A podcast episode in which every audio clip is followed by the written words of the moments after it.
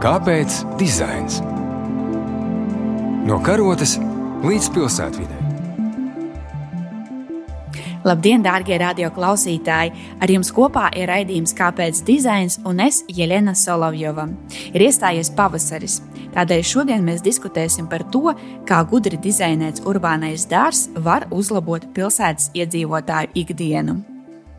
Mazdārziņu kultūra ir bijusi nozīmīga pilsētnieku ikdienas sastāvdaļa jau vairāk kā simts gadu garumā. Eiropā tā sevišķi strauji attīstījās industriālās revolūcijas laikā. Pilsētas palielinājās, pieauga to iedzīvotāju skaits, un sakņu dārzi urbānajās teritorijās nodrošināja rūpnīcu strādnieku ģimenēm nepieciešamo iztikas avotu.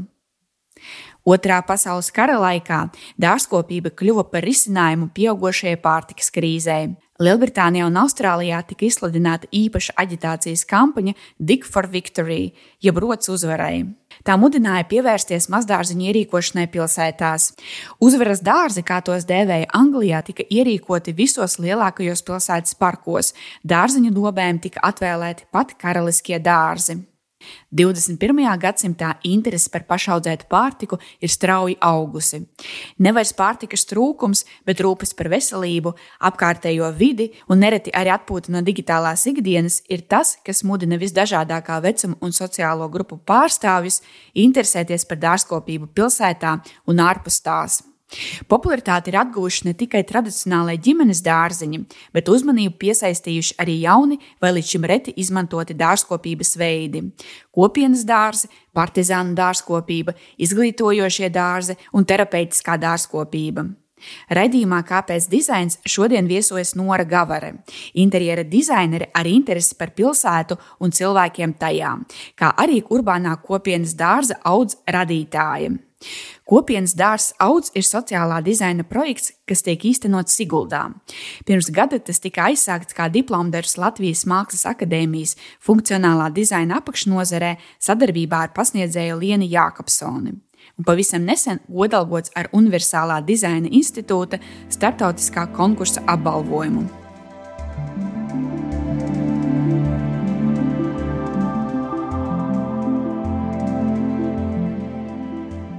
Sveika, Nora!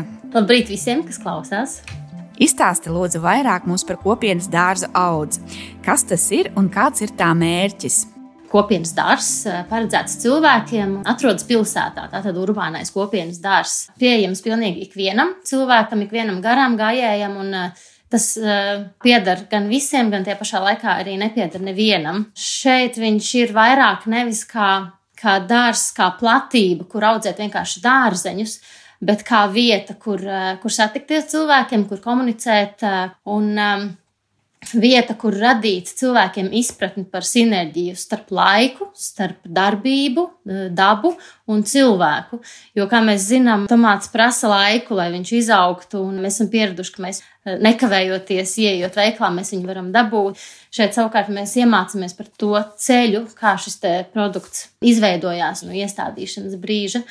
Tas mērķis principā ir savest pilsētas iedzīvotājus kopā, dažādas šīs sociālās grupas arī. Dalīties un gūt zināšanas, vairojot izpratni par ēdienu rašanos, viņa izcelsmi, tātad un aktualizējot veselīgu dzīvesveidu, kustību, ilgtspējīgu dzīvot prasmi. Bet saki, kā vispār radās auga ideja? Kāpēc tieši dārzs un kāpēc tas atrodas tieši Siguldā? Es nekad nebūtu iepriekš domājusi, ka es savu dzīvi saistīšu tik ļoti aizrauti ar, ar dārzu, ar, ar kopienas dārziem. Vairāk kā desmit gadus esmu strādājusi interjeru dizaina jomā un uh, izlēmu nedaudz paplašināt savu zināšanu loku. Kā jau arī pieminēju, iestājos Mākslas akadēmijā, maģistrantūrā, kur studēju funkcionālo dizainu. Arī uzzināju, ka ir iespēja aizbraukt Erasmus Plus programmā uz Hongkongu kur var studēt pilsētvidas dizainu. Jāatzīst, ka tas bija absolūti fantastisks laiks, kurš um, pavēra jaunas apvāršus manā dzīvē un uh, interešu lokā. Tā ideja principā arī uh, radās tur, jo pusgadu dzīvojot šajā globalizācijas pārņemtajā vidē, kur uh, patērētāju kultūra ir uh, ļoti augstā līmenī un vidas problēmas un gaisa piesārņojums, atkritumi milzīgie apjomi, cilvēku sociālo grupu arī šī atstumtība un arī, protams, ēdienu kvalitāte. Un atgriežoties Latvijā, es biju izslāpusi pēc ēdiena, kurš ir audzis pārskatāmā vidē, kurš zina, kā viņš ir apstrādāts, kas ar viņu ir noticis, un ka viņš ir īsts, ka viņā ir uzturvērtības un ka viņš ir, ka viņš ir noderīgs. Tādēļ, atgriežoties, man bija neizsakāmi liela vēlme tātad um, radīt kaut ko ilgspējīgu, kaut ko uh, sabiedrībai pieejamu, kaut ko, kas ir ne tikai man, bet uh, plašākam cilvēku lokam, un uh, ar vēlmi uh, izglītot, parādīt, uh, iedvesmot un, un varbūt pat uzsākt tādu kā kustību, kas ir pilsētvidas dārzniecība, lai, lai viņi Latvijā straujāk attīstītos un uh, iedvesmotu arī uh, citus cilvēkus darīt uh, līdzīgi. Izstāsti mums mazliet vairāk lūdzu, par šo dārzu. Kā aizrit dzīve tajā, vai katram dalībniekam ir sava dobe, kas tur tiek audzēts, vai tiek organizēti kādi pasākumi? Kopienas dārzā audz dobis nav sadalīts kādam konkrētam cilvēkam. Tā tā tad ir zona, daudzfunkcionāla zona, kur eh, var gan audzēt, gan atpūsties, gan uzzināt. Un eh, jebkurš garām gājējs var ienākt iekšā pagaršot, paravēt, eh, paņemt līdzi brokastu salātiņiem, aplaistīt, un eh, dārzā ir atstāts norādes. Jo, protams, mums ir tā sajūta, ka mēs ieejam nu, tomēr svešā vidē, īpaši tiem, kuri tur atrodas pirmo reizi. Un tad ir tā neziņa, ko tad īsti tur darīt, kā uzvesties. Un, um, tad šeit ir svarīgs informācijas dizains, ja tā var teikt. Uh, viņš šeit ir ļoti um, intuitīvs un ļoti vienkāršs un uh, ir izvietotas uh, norādes pa dārzu, kas mudina apmeklētāju uz konkrētām darbībām. Piemēram, augs saka, aplaisti mani, vai nofotografē mani, vai pagaršo mani. Un tātad šie iedrošinājumi palīdz apmeklētājiem darīt un zināt, ko tieši darīt šajā dārzā. Bija arī interesanta lieta, kad siltumnīcā tas bija tāds jautājums, kā notiks laistīšana, vai augi netiks pārlaistīti, vai viņi nenopūs. Un es uz vienkārši parastas lapiņas, parastas rūtiņa lapiņas uzrakstīju, kurā dienā es aplaistīju siltumnīcu un noliku turpat uz galda. Siltumnīcā ir galds ar, ar grāmatām un rakstāmajiem papīriem dažādiem. Nākamajā reizē atgriežoties siltumnīcā, es redzēju, ka šī pierakstīšanās kultūra ir turpinājusies. Ja sākotnēji man pat šķita, ka iespējams uz dārzu nāks tikai uh, man zinām cilvēki, lai atbalstītu projektu un lai parādītu, ka nu, tas tiešām varbūt ir viņiem nozīmīgs. Bet Ieraugot to, ka šajā sarakstā pildījās ar vien vairāk un vairāk nepazīstamu cilvēku vārdi, un ka bieži vien viņi arī atkārtojās, ka cilvēki nāk atkārtot šo dārzu, tad palika tā sirds silti, kad tā vieta ir kļuvusi iemīļota. Un ka šādi te pavisam vienkārši informācijas rīki, kā pierakstu lapiņa, var tik labi kalpot, lai cilvēki saprastu, kā rīkoties dārzā un vai šodien laistīt to siltumnīcu vai, vai viņu laistīt eh, nākamreiz, nākamajā apmeklēšanas reizē. Kāpēc dizains?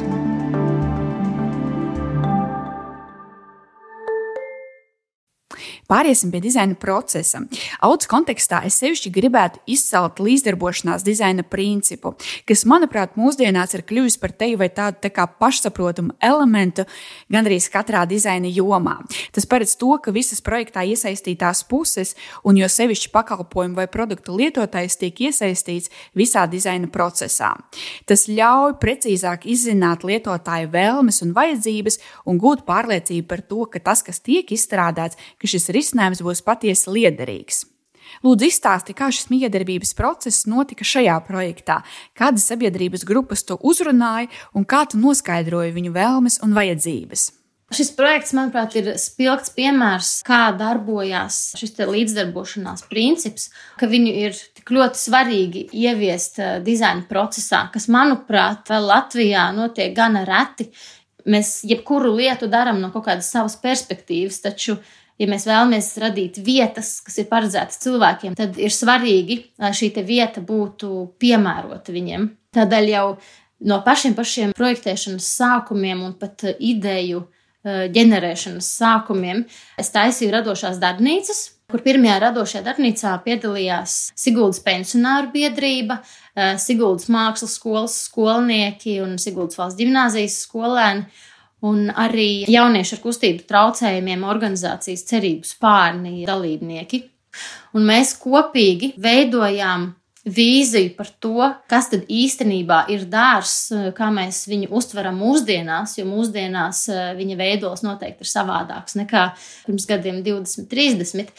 Ar prāta vētras metodi mēs šāvām ārā idejas, jebko, kas nāk prātā, un līmējām uz sienas. Mums bija vesela siena nolīmēta ar lapiņām.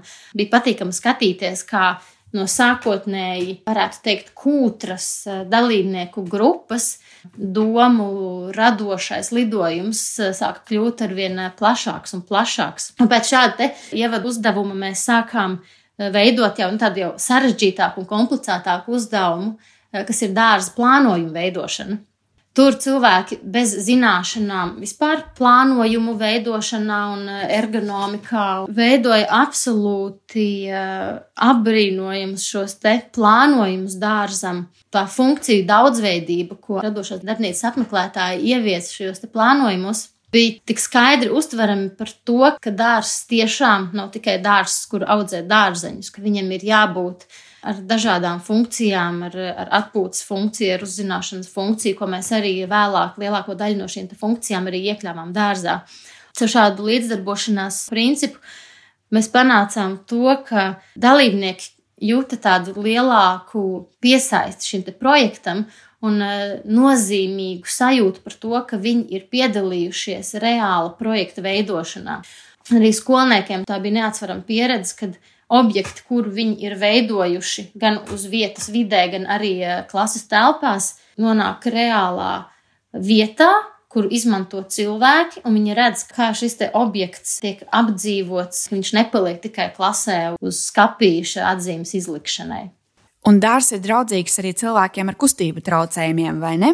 Bija svarīgi iekļaut šos universālā dizaina principus, lai dārsts būtu pieejams visiem. Un kas ir interesanti, Mākslas akadēmijas ietvaros mums bija viena arī radošā darbnīca pie informācijas dizaina guru eh, Mārtiņa Foslēnera. Mums bija tā iespēja viņam prezentēt mūsu maģistra darbus un pastāstīt par mūsu ideju. Un viens no aspektiem, eh, kurus viņam pieminēja, bija tas, ka šīs dobi konstrukcijas tika veidotas dažādos augstumos, ka tās būs pieejamas arī cilvēkiem ratiņkrēslos un senioriem un zemākas dobas eh, bērniem, tādējādi asociatīvi cilvēki spēs pieiet pie sev ērtākās zonas, lai viņi varētu aplaistīt, nogaršot, eh, paskatīties.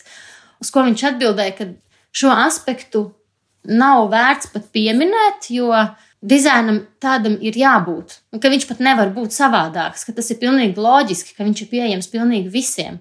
Tad es sapratu, ka mēs Latvijā esam diezgan eh, tālu no šī Ja, ja Austrijā tas liekas pilnīgi pašsaprotami, nepieciešami, ka savādāk pat nemaz nevar būt, tad uh, Latvijā kaut kā man šķiet, mēs vēl esam tajā pozīcijā, kad, nu, ja sanāk, tad, tad uztaisam, un ja nesanāk, tad, tad nekas. Kādam citam būs, un pie mums jau tā tā nenāks eh, cilvēku ratiņkrēslos, viņi ir diezgan mazi, un tā nav gluži mūsu mērķa auditorija kas, manuprāt, liekas diezgan absurdi, jo pilnīgi loģiski, ka nenāks šie cilvēki, kuri pārvietojas ratiņkrēslos, jo viņi gluži vienkārši nespēja to izdarīt. Un ir svarīgi saprast to, ka mēs esam dažādi un jā, ka tam būtu jākļūst līdzīgi kā Austrijā, kad, ka tas ir pilnīgi normāli un pat nav pieminēšanas vērts, ka tas tā ir, jo visi tik un tā apzinās, ka tas būs pieejams visiem.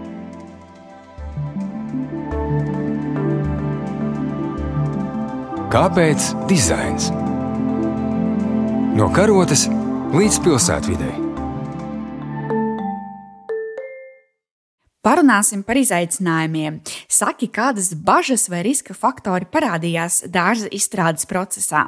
Satiekot apmeklētājus uz vietas dārzā, viens no visbiežāk dzirdētiem jautājumiem bija, kā tas ir, ka dārzs ir atvērts pilnu diennakti un neviens viņu nesargā, un te tomēr ir siltumnīcā stāv darba rīki un ir dažādi augi, un taču atnāks eh, pa nakti kāds cilvēks, visu paņems un vairs nepaliks nevienam. Un, un kā tas ir, es te nākušu laistīt zemenes, un kāds cits viņas apēdīs. Un sākotnēji valdīja šāda, varētu teikt, neusticība sabiedrībai, ka jebkas, kas ir brīvi pieejams, tiks tuvākajā laikā vai nu demolēts, vai um, sagrauts, vai nozagts, vai kaut kas cits slikts izdarīts. Es esmu tāds cilvēks, kas ļoti uzticās, uzticās sabiedrībai un, un sabiedrības spējai darboties kopīga mērķa vārdā. Un man ir milzīgs prieks, ka šis te arī piepildījās, varbūt šī mana uzticība vai rezultatējās. Nekas no iepriekš minētā nenotika, un man pat bija jāmudina cilvēkus, lai viņi tiešām pagaršo, jo Jo apmeklētājiem bija varbūt nedaudz bail, kā es tā svešā dārzā tagad iešu, ņemšu un pagaršošu. Un, eh, Manuprāt, sabiedrība vēl ir eh, jāpieradina pie šīs domas, ka, eh, ja mēs darbojamies lielākas kopienas vārdā, tad tu drīksti gūt šos augļus no, no padarītā. Taču nākamie izaicinājumi, es domāju, arī ir tiešā mērā saistīti ar, ar mūsu mentalitāti un ar kopienu veidošanos. Tas, manuprāt, arī ir gājis cauri šim projektam, ka ir um, gana grūti izveidot patstāvīgu, regulāri kopā sanākošu kopienu. Tas, manuprāt, ir kaut kas tāds, ar, ar ko mums ir jāstrādā vairāk arī ilgtermiņā, ka to nevar viena gada laikā, vienas dārza sezonas um, laikā panākt, ka viņš lēnām veidojās, bet viņam ir jāļauj arī veidoties dabīgi. Un līdz ar to es uzskatu, ka viņš arī turpinās šī sniega bumba lēnām, lēnām pa lēzu no Latvijas kalniņa velties tālāk arī nākamajā sezonā, lai šī kopiena veidotos, jo jaunā kopiena veidojās eh, lēnām. Un, ja mēs atskatāmies uz pirmo sezonu, kas tev pašai ir sniedzis lielāko gandarījumu? Noteikti eh, lielākais gandarījums ir par to, ka projekts ir realizējies, kad kaut kādas eh, idejas materializējās. Un um, noteikti arī tas, ka tas ir spējis iedvesmot citus cilvēkus, uzrunājuši mani cilvēki gan no Ogres, gan Jēlgavas un uh, bijuši saviņoti par šo projektu, ir ieraudzījuši tā nozīmi ne tikai kā darbības veidu, bet kā ilgspējīgas sabiedrības tādu pat uh, nepieciešamību. Citu pilsētu arī iedzīvotāji ir bijuši gan iedvesmoti, lai izrādītu interesi par šādu projektu radīšanu pašiem.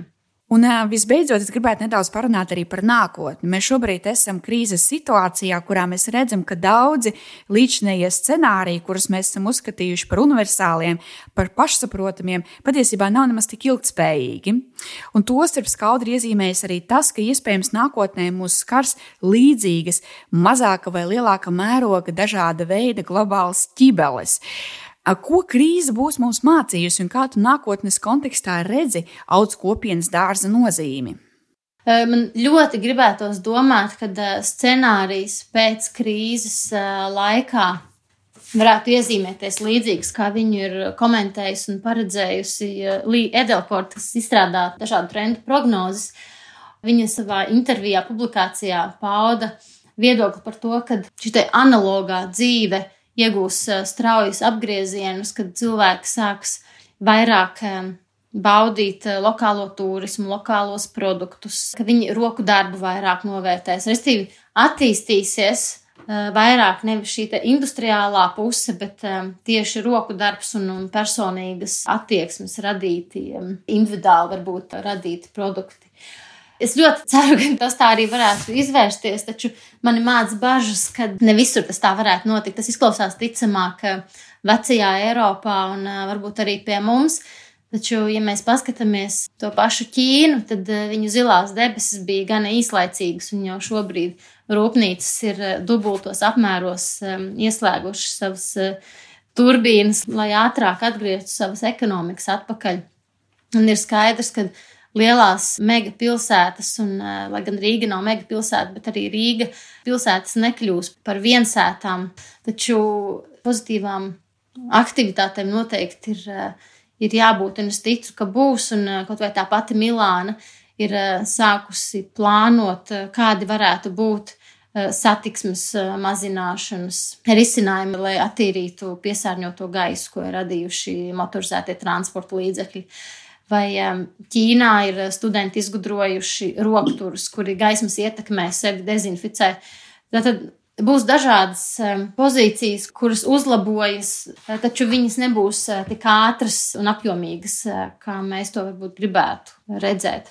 Savukārt, audzes kontekstā, manuprāt, ka iedzīvotāji sapratīs vairāk ilgspējīgas sabiedrības nozīmi, pašpietiekamības nozīmi, to, ka urbānie dārzi ir, ir labs pierādījums, ka ar dārzniecību var nodarboties arī pilsētas kontekstā, ka nodrošināt sevi eh, ar pārtiku šādās eh, krīzes situācijās tikai un vienīgi izdevīgi. Un, un, un turpmāk varētu arī Latvijas kontekstā vairāk parādīties dažādas gan iniciatīvas, gan organizācijas, gan arī eh, cilvēki paši varētu izrādīt lielāku interesi audzēt pārtiku telpās, uz balkoniem, māju pagalmos, uz jumtiem, kādas no kuram ir šīs iespējas. Paldies, Nora! Es novēlu, lai šī brīža distancēšanās neietekmē dārza jauno sezonu, lai viss kuplo, lai viss zaļo un ir izdevies gan šogad, gan vēl daudzus, daudzus gadus. Dārgie klausītāji, raidījums Kāpēc dizains ir izskanējis. Paldies, ka bijāt kopā ar mums! Raidījumu montēja Inga Saksone, to vadīja Jelena Solovjova. Tas ir tapis ar valsts kultūra kapitāla fonda atbalstu. Esam klausāmi arī Spotify, Apple podkāsts, Google podkāsts un tavā podkāstu aplikācijā. Uz tikšanos!